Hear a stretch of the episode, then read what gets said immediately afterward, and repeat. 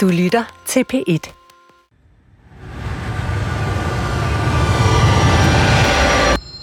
Velkommen i mørket. Når man er fanget der, i et spænd mellem angst og meningsløshed, holder man op med at tro på lyset. Men det findes. Jeg har haft fem depressioner, og hver gang troede, at jeg aldrig blev rask igen. Det er en del af sygdommen. Sidste gang blev jeg rask på en helt ny måde, og den historie vil jeg gerne dele. Jeg synes, der mangler personlige erfaringer om depressioner, og jeg tror, de kan hjælpe os til at blive bedre til at tale med hinanden om det at blive ramt af mørket. Måske kan de også hjælpe nogen på vej mod lyset.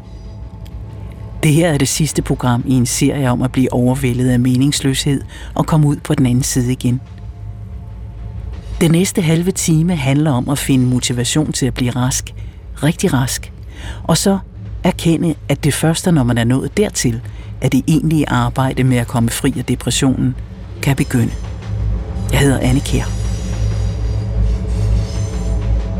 I forsommeren 2015 skal jeg tilfældigvis interviewe en mand til en serie om benspænd i tilværelsen og hvordan man takler dem. Maler og musiker Carsten Dahl har haft to store depressioner, men har fundet ud af at bruge dem til at blive bedre til at leve sit liv. Ej, jeg ligger sgu meget godt her. Så Nå, men det er godt. Det er rigtig godt. Ja. Så går vi i gang. Og hvis jeg spørger dig om noget, du ikke vil eller ikke kan Nej, svare det på, så siger du bare det, og så går vi videre. Ja. Okay? Mm-hmm. Øhm, Han taler anderledes om mørket end alt andet, jeg har hørt før. du skrev til mig, at du lever i mørke. Hvad mente du med det? Det er en følelse af at være omsluttet af mørket, og ligesom at mørket lever inden i mig som en tilstand, som noget, jeg har båret med. Øhm, det er som om, at jeg fungerer bedst fra mørket, og, og også fordi jeg er sådan, så føles det som om, at, at lyset bliver tydeligere, når det kommer fra mørket. Men egentlig så har jeg et stærkt lys inde bag ved mørket.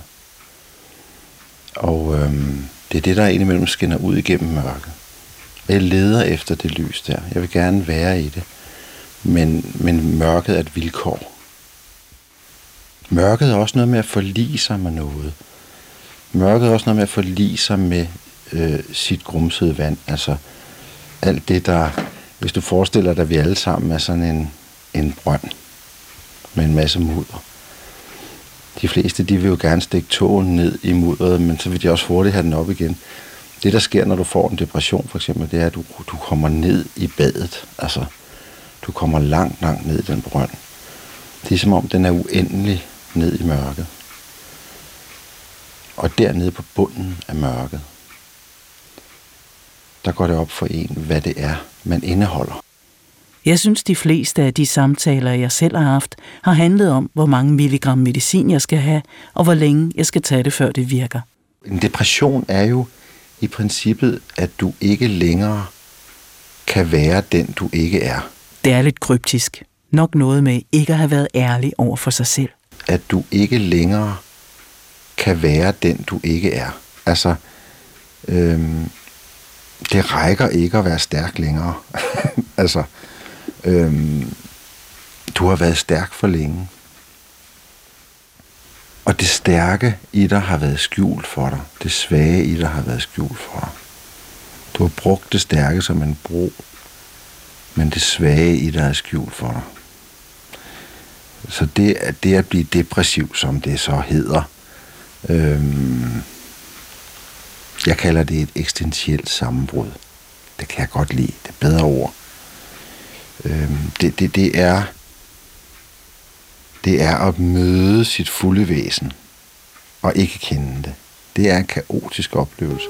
Jeg hører det her et par uger før jeg fylder år, mens jeg stadig er deltidssygemeldt. Jeg får sådan lyst til at mærke livet rigtigt igen, og beslutter mig for at give mig selv et nyt liv i fødselsdagsgave, fordi jeg pludselig ser, at det er muligt, at der er noget, man kan gøre. Jeg begynder også at skrive til Carsten Dahl, som er det første menneske, jeg har mødt, der ved præcis, hvad mørket består af. Accepterer det og bruger det aktivt som kontrast til lyset. Også forfatterne Annelise Marstrand Jørgensen og Peter Øvig Knudsen, der begge har haft flere depressioner, har haft stort udbytte af at tale med en ven, der selv har oplevet mørket, som forstår, hvad der foregår, fordi de selv har været der, som kan tale til en fra de normales verden og vise, at der er en vej derhen. Det er enkelt, men det er bare velgørende at blive forstået. Ikke af en professionel, men af en ligesindet. Jeg blev så begejstret for den personlige erfaring, at jeg kappede behandlerverdenen af, og det var ikke nogen god idé. Det næste skridt på vejen mod et nyt liv i min historie er at smide en masse kilo, som bare har hobet sig op, fordi jeg ikke helt har været til stede i mit liv. På en måde er det som en del af en proces, der går ud på at skrætte lag af, der ikke føles rigtige. Jeg taler med psykiater Paul Hvidebæk, der forsker i behandling af depression, om at det giver en vis glæde, når man er stabiliseret af medicinen og har overskud igen, at erkende, at der er noget, man selv kan gøre. Altså det synes jeg er en meget, meget vigtig pointe. Øhm, jeg husker en patient, som, som, ja, øh, som har haft netop flere alvorlige øh, depressioner og, og selvmordsforsøg og sådan noget, som jeg havde i terapi, og som gik i en øh, langvarig terapi. Det tog flere år. Øh, og øh, hun sagde til mig på et tidspunkt, og der var jeg ved at falde ned af stolen, at det er det bedste, der er sket i mit liv, at jeg har fået den her depression. Fordi øh, det har lært mig så meget om, hvordan, hvad der betyder noget for mig, og hvad der ikke betyder noget, hvordan jeg skal leve mit liv, og, og det har altså virkelig hjulpet mig til at prioritere, hvad der er vigtigt fremover. Og øhm, altså, jeg turde jo næsten ikke tro mine egne ører, men og bad hende om at forklare det, og det var det, var det der var... Øh, øh, hun synes, hun kort sagt havde lært en hel masse af, det har jeg hørt flere igennem. sige. Ja, og, og jeg, altså det har ført mig til at, at tænke, jamen altså, ledelse er aldrig rigtig meningsløs på den måde. Altså, vi vil gerne undvære ledelsen, og, og vi vil gerne undvære smerter og så videre, men, men stadigvæk kan man, er der et budskab i det, som vi kan lære rigtig meget af. Ikke? Og, øhm, og hvis vi gør det, så giver det også noget mening til det meningsløse. Og det synes jeg også er vigtigt, og det synes jeg, det har vi i den grad brug for som mennesker, ikke? også at putte, putte mening ind i den ledelse, som vi oplever. Og øh, nogle gange kan man det. Ikke altid, men nogle gange kan man det, og, og terapi kan gøre rigtig meget gavn øh, der. Altså, for eksempel efter at man er kommet af med de værste symptomer og igen kan huske at koncentrere sig på grund af medicinen, ikke? Jamen, så, har man, så kan man have gavn af et terapiforløb efterfølgende. Øh, hvis, hvis, ja, det, det, det, øh, det har jeg oplevet mange gange, at det er, øh, er vigtigt. Jeg går så bare ikke i terapi. Tænker, det er dyrt og unødvendigt. Tænker også, at jeg kan noget selv. Når man er rask, og man bare tænker, nu skal jeg fremad, så glemmer man måske, at fremad i den her forbindelse i virkeligheden betyder tilbage. At man ikke kan komme fremad, komme videre med sit liv, uden at gå tilbage. Det er det, som Carsten Dahl forsigtigt opfordrer til, at man skal. Tilbage for at kigge ind i mørket igen og se, hvad det bestod af. Personligt havde jeg ikke den store lyst til det, nu hvor jeg lige var kommet ud af det. Ja, men, men, men man, er jo aldrig, man er jo aldrig ude af det, fordi man bærer sig med sig. Altså man bærer sig selv med. Mm. Altså man har, jo, man har jo sig selv med. Man kan sige, det kan godt være, at nogle af de her rendringer og nogle af de her ting, man bærer med sig, de ligger inde i nogle rum, hvor dørene er lukket, eller op på nogle hylder, hvor der er trukket nogle gardiner for. Fordi det er ikke så hensigtsmæssigt umiddelbart at, at trække skufferne ud og lægge alt ud på gulvet og kigge på det, fordi øh, man, man bliver jo, man konfronterer sig selv med nogle af de der grundfølelser, som gør, at man i første omgang har lagt det væk. Ja. Yeah. Ikke? Og, og nogle af de grundfølelser, det er jo øh, følelsen af forladthed, og det er følelsen af at være i vejen, og være et frygteligt irriterende barn, mm. og være øh, øh, årsag til andres ulykke, og være, øh, være, være, være hyperangst, øh, hyperlabil og angst over for alting, og derfor skulle påkalde sig enormt meget opmærksomhed af omgivelserne, og en følelse af skam over at være sådan. Altså, de der grundfølelser, de ligger jo inde i de der hylder, øh, fordi de ikke, de er ikke formålstjenlige at gå rundt med som en reklameskilt, hvis man skal leve et liv, og også op igennem puberteten og det tidlige voksenliv, der prøver man jo så også at, at overleve og gøre alt det rigtige, men det er jo ikke det samme som, at man nødvendigvis lever med det, man har med sig. Mm. Men fordi, men... fordi jeg tror, en af de ting, der er for, for mit vedkommende har været rigtig vigtigt at kende i forbindelse med depressionerne, det har været, at, at, at jeg ligesom, som jeg også har sagt tidligere, jeg blev ringet op indenfra. Altså, jeg kan godt lide det der telefonopkald. Altså, det kan godt være, at du har kørt i en sportsvogn, men altså, der er en, en, en færge på størrelse med Færø Smyrelejen øh, og en snor tilbage til din oprindelse og dine rødder, som du, øh, som du bare har efterladt inde ved kajen. Fordi du synes, det ser smart ud at køre i en sportsvogn med en færge på slæb. Og det, det er godt at gå tilbage til færgen, og så gå ind i den, og så se den forladte færge, og det døde kafeteria, og de tomme bildæk, øh, og finde ud af, hvad, hvad var det, jeg forlod? Hvorfor forlod jeg det i en sådan hast? Hvad var det, der skræmte mig fra videre sans i mig selv, som jeg måtte forlade? Så hele, hvad kan man sige, hele det her rejsen tilbage, det handler om at finde den rigtige udgave af sig selv. Nej, fordi det kan også blive en perfektionistisk tilgang, hvor man ligesom får en eller anden idealiseret forestilling om, at det rigtige, det er kun i den lille pige eller den lille dreng, og det er det bestemt ikke. Mm. Alt det rigtige Anne og alt det rigtige Karsten, det findes også lige nu i dette voksenliv. Og alt det, du har bragt med, alle de erfaringer, du har gjort, alle de valg, du har truffet, alle de børn, du har født, alt det, alt det du har gjort, det er også dig. Og det skal også næres, og det skal også have kærlighed. Men og det er, jo det, der, det er jo det interessante. Det er ligesom et russisk, øh, du ved, de der russiske...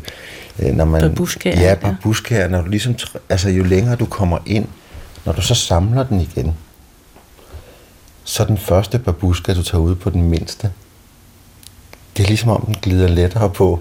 Det er ligesom om, at den, du ser på den på en anden måde. Du rører ved den på en anden måde. Du viser den omsorg på en anden måde, fordi du har været inde i den mindste babuska. Og den næste, du tager, den bærer præg af, at du har haft de erkendelser med i nummer to. Så når du har samlet den og holder dine hænder, så er det som om, at her har du dig selv, men du har været inde i kernen af den. Så det er sådan den omvendte proces af at pille et løg, kan man sige. Det er det lidt, ja. Ja. Men det er klart, at, og jeg tror, det er meget vigtigt, at man ikke får en eller anden ideal, idealistisk psykose, hvor man tror, at når man kommer ind til babyen, så er alt godt. Fordi det er jo ikke, der er jo ikke tale om, at man, øh, altså at man, man, at man på en eller anden måde finder de, den store sandhed derinde, men man finder en autenticitet i nogle følelser, som man har haft svært ved, og måske ligefrem slet ikke kender, og som er urimeligt, at man ikke kender. Og den følelse, det frembringer af urimelighed, er en fantastisk energi, øh, at man begynder at undersøge, hvorfor var det, hvorfor var det, altså, hvorfor var det ikke tilladt at føle sådan?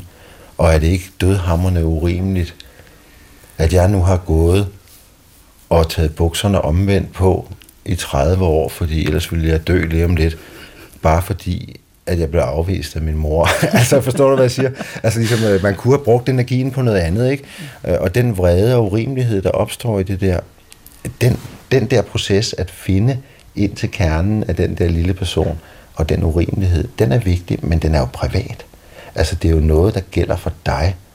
Altså, jeg sidder og plapper løs om det. Det er jo kun fordi, jeg mener, at det er rigtig, rigtig vigtigt at være ærlig omkring det her, og jeg har ikke noget at tabe, ligesom jeg vil gerne snakke om det, fordi andre får glæde af at høre på det. Men det er jo en privat ting. Det er jo dig og din psykiater. Der kom den med terapien igen, men jeg har besluttet mig for, at jeg kan selv. Det er heldigt, at jeg har noget ekstra ferie. Jeg får brug for at være alene, og langt væk fra alle, så jeg kan gå tilbage og rulle lidt rundt i det mudder, jeg har været omsluttet af. Ellers bliver det svært at se frem. Ellers bliver det måske svært at undgå endnu en tur i mudderet. Så ham, du sidder på række 3, kan jeg rykke ned på række Jeg er i hvert fald tændt på at gøre tingene anderledes denne gang. At se på mit liv, ikke kun spise piller og komme hurtigst muligt tilbage på job, men også turde at tænke på, hvad der gør mig godt, hvad jeg mangler, hvor jeg måske er trådt forkert. Mesdames et messieurs, bonjour, je suis le commandant de bord de ce vol à destination de Paris, aéroport Charles de Gaulle. Den lille familie skal på ferie til Paris. Derfra fortsætter jeg alene til Avignon.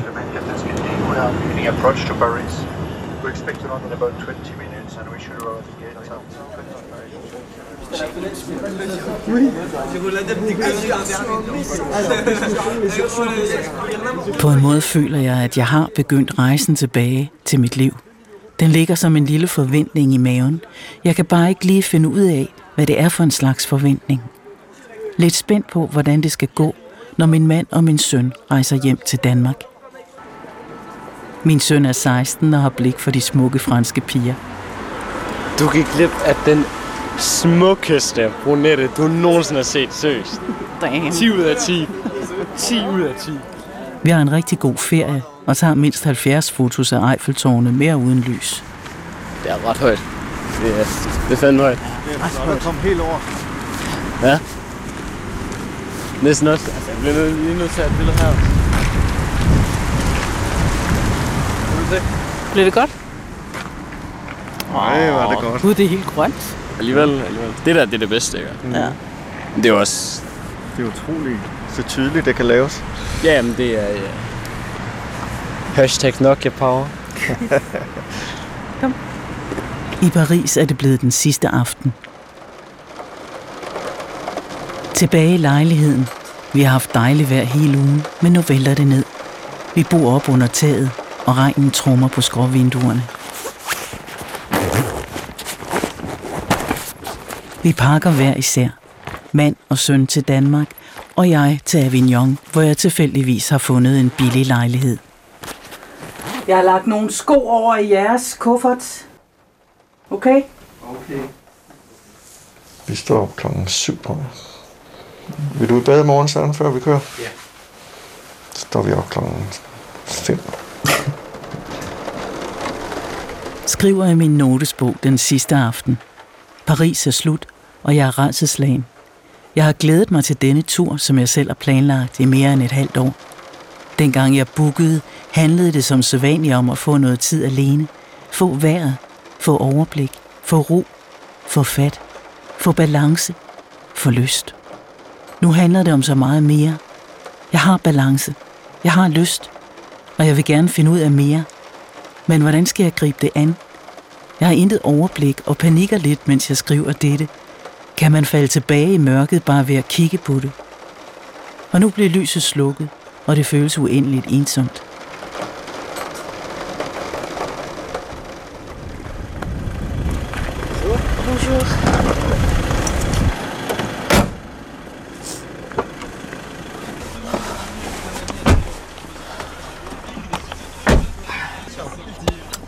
Gare de Lyon, s'il vous plaît.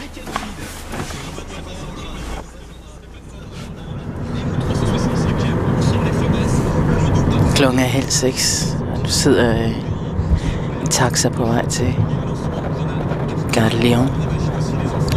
Der er næsten ingen biler på gaden.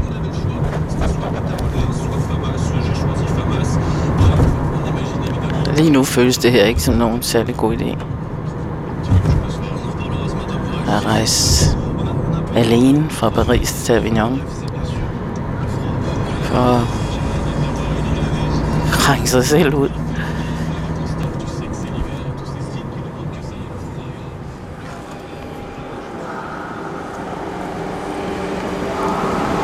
Jeg kan se, at mit tog er kommet op på skærmen nu. 7.41 til Avignon.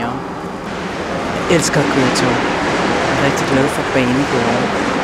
Det er bare ærgerligt, at det føles lidt som om, vi skal tage tandlæge.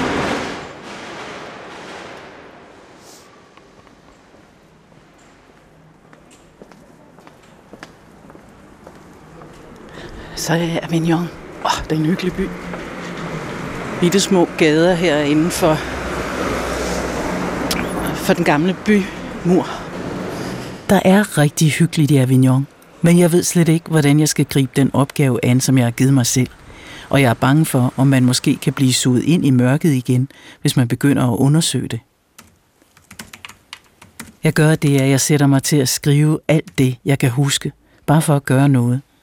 Om hvordan depressionen begyndte, om hvordan det føltes at være i hullet, om behovet for at finde et svar på, hvorfor. Jeg skriver nogle af de ting, som jeg har brugt i programmerne i den her serie. Men mest af alt er jeg alene, og lidt i tvivl, om det var en god eller en meget mærkelig idé at tage til Avignon for at kigge baglæns. Jeg tjekker lige lyden på den her. Man skal skrue. Og så laver jeg lyddagbog. Det er morgen. Nå, jeg har slet ikke brugt min stemme nu. Det er morgen, og jeg kigger ud over flotte lærtage i Avignon. Solen skinner og spiser morgenmad. Og jeg kom lige til at tænke på, at der er sådan en uskyldighed over morgener. Så alting er så rent. Man kan slet ikke forestille sig dæmoner i ens liv eller i ens tanker. Det skulle bare være morgen hele dagen. Når man, når man er nede i hullet, så kan man kun få øje på alle sine fejl og alle sine dårlige sider. De fylder alt. Og at sidde her alene og vende og dreje de tanker, det er, det er virkelig en udfordring. Det er sådan en slags tanker, der de har ligesom modhager, de elsker at sætte sig fast. Sætte sig på tværs, spære for alt. Jeg kan mærke dem. Og kunsten består vel i enten at vælge at gøre noget ved de fejl, som man kan gøre noget ved, eller også acceptere, virkelig acceptere, at man har dem. Det virker som en sindssygt stor opgave. Og det er jo nok også derfor, det er så meget mere tiltrækkende at lade være med at se bagud. Og ignorere, hvad der er sket. Og så kan man falde i igen, eller hvad? Desværre ved det her, det er jo, at jeg ikke ved, hvorfor jeg gik i stykker. Det er der ingen, der ved. Det eneste, jeg ved, det er, at uh, der også er mørke i mit liv. Og det er jo nok har sværere ved at få magt over en, hvis man tør at lære det at kende.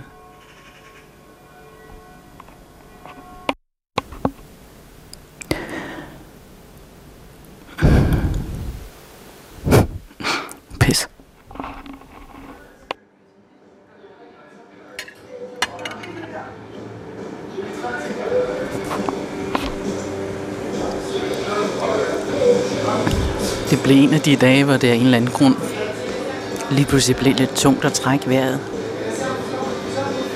Jeg ved ikke hvorfor, fordi jeg er jo fikset.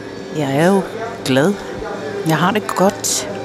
Det er bare lidt tungt at sidde alene med alle de tanker om mørke og problemer og fejl og alt sådan noget. Så jeg gik en tur i solskinnet. Det kan jeg jo nu. Og så har jeg inviteret mig selv på frokost.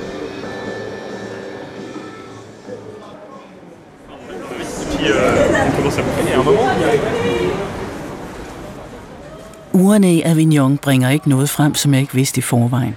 Men de giver et overblik over hele perioden med depression, og gør det klart, at man selvfølgelig ikke falder ind i mørket igen, bare fordi man kigger på det. Det bliver en kortlægning, men ikke en undersøgelse. Ladies and gentlemen, on behalf of SAS Airlines, it's a pleasure to welcome aboard this aircraft bound for Billund. Med i bagagen på hjemturen er en bedre forståelse af, hvad det var, der skete i de mørke måneder, og en lyst til at komme videre og også forstå hvorfor. Der er blevet vinket og hentet med psykiater og terapi undervejs. Og Carsten Dahl, som jeg har fået lov til at bruge som en slags mentor, er også utvetydig i, hvad han tror på. Man kan ikke bare tage to uger alene ud i verden, og så falder ens liv på plads.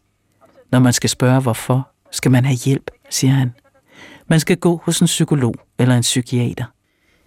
Og, det, og, det, og grunden til, at jeg siger det, det er, at det kan godt være, at man bare går en gang om måneden. Det kan også være, at man går en gang hver anden måned. Det kan også være, at man i perioder går... Nogle perioder har jeg gået to gange om ugen. Altså, da jeg var i analyse, der gik jeg jo hele tiden. Og, øhm, og det regulerer man efter, hvad der sker af processer. Men jeg synes, det er meget vigtigt at have noget supervision på, fordi man kan, man kan stige sig blind på noget, som, som, hvor man har behov for at vente med en, som lige kan sige noget, der lige gør, at man tænker positivt om sig selv, i stedet for at være selvfordømmende. Mm. For i den der selvfordybelses øh, undersøgelsesproces, øh, der kan man meget nemt blive selvfordømmende. det går aldrig godt, og hvad sagde jeg, og hvorfor skal du altid? Og de der sætninger, som, som er sådan nogle sætninger, der kører hele tiden, ikke? Det må være, fordi der er nogen, der har givet os den følelse, at de sætninger kører. Hvem sagde dem? Hvor er de henne? Hvorfor skal de blive ved med at have magten over os? Det er det, der er spændende. Tør man finde ud af det? Ja, det gør man, det skal man. Altså, de der svar findes i den voksne Karsten og den voksne Anne, der søger den lille Karsten og den lille Anne. Men det skal være sammen med en, som, som har fuldstændig styr på, hvad det er for en proces, man går igennem. Oh. Det havde jeg jo ikke tænkt, at jeg skulle have en, en professionel med på den rejse. Men det, du tror ikke, jeg kan gøre det selv? Øh, nej. det tror jeg faktisk ikke. Altså, jo, det kan du. Vi kan jo gøre alting selv. Vi har jo alle sammen frie valg. Altså, øh, du kan også vælge at sige, at jeg vil aldrig nogensinde øh, tale med dig mere, Carsten. Jeg vil aldrig nogensinde høre om det her emne. Jeg, tager, jeg, jeg flytter til Fredericia og bor. Altså, det kan du også gøre. Men, men, men om det er godt for dig, det skal jeg ikke vurdere. Men, men, det er jo, men jeg tror bare, at når nu du snakker med mig og spørger mig, så, så er de der halvanden million, jeg har regnet ud, jeg har lagt halvanden million i psykoterapi de sidste 20 år, så er de kraft med godt givet ud. Altså, jeg vil ikke have undværet en eneste af de der mange vidunderlige mennesker, jeg har mødt på den rejse. Fantastiske psykiatere, fantastiske psykologer, som jeg har kunnet græde og grine og skændes med og blive bange for og whatever. Fordi det alt sammen har været med til at spejle, hvem er jeg? Ikke? Så derfor er det at række hånden ud og få hjælp hos en læge til en psykolog eller en psykiater, uanset om man betaler eller ikke, så er det at give sig selv en blomst. Okay, jeg vil give mig selv den blomst. Det skal men, du gøre, ja. Men jeg starter med... Ja, det er fint. Du kan Jeg- jo gøre lige, hvad du vil. Jeg Ja. starter med at... Jeg starter med at øh, købe muljord og, øh, og rive det. Og det gør jeg selv. ja. Det hele skal du gøre selv alligevel. Ja, men det gør jeg uden vejledning. Ja. Uden gartner. Og så, øh, nej, når, Ja. når vi kommer til blomsterne, Mm. så finder jeg en gartner. Ja. En god, rummelig, følsom, klog, empatisk psykiater, som kender de her processer og kender dem i sig selv, og selv har gået i terapi, og som er åben over for alle mulige verdensbilleder i hele verden.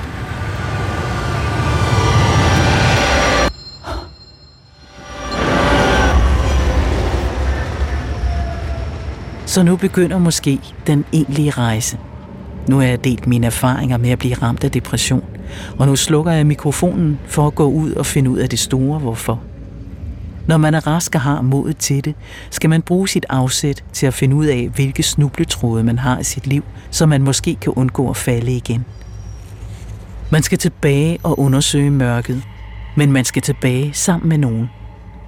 Hvis du befinder dig i mørket eller kender en, der gør, så find et godt menneske at dele erfaringer med. Men find også en psykiater. Man har brug for et almindeligt menneske, der er klog på det, man selv har været igennem. Men man har også brug for en gartner, hvis der skal komme blomster ud af muljord. Det her var det sidste program i serien om at gå igennem en svær depression og komme ud på den anden side. Om at befinde sig i et sort hul i flere måneder. Om behovet for at finde ud af, hvorfor det skete. Om venners og familiemedlemmers frustrationer og muligheder. Om langsomt at få det bedre. Og til sidst komme ud i lyset.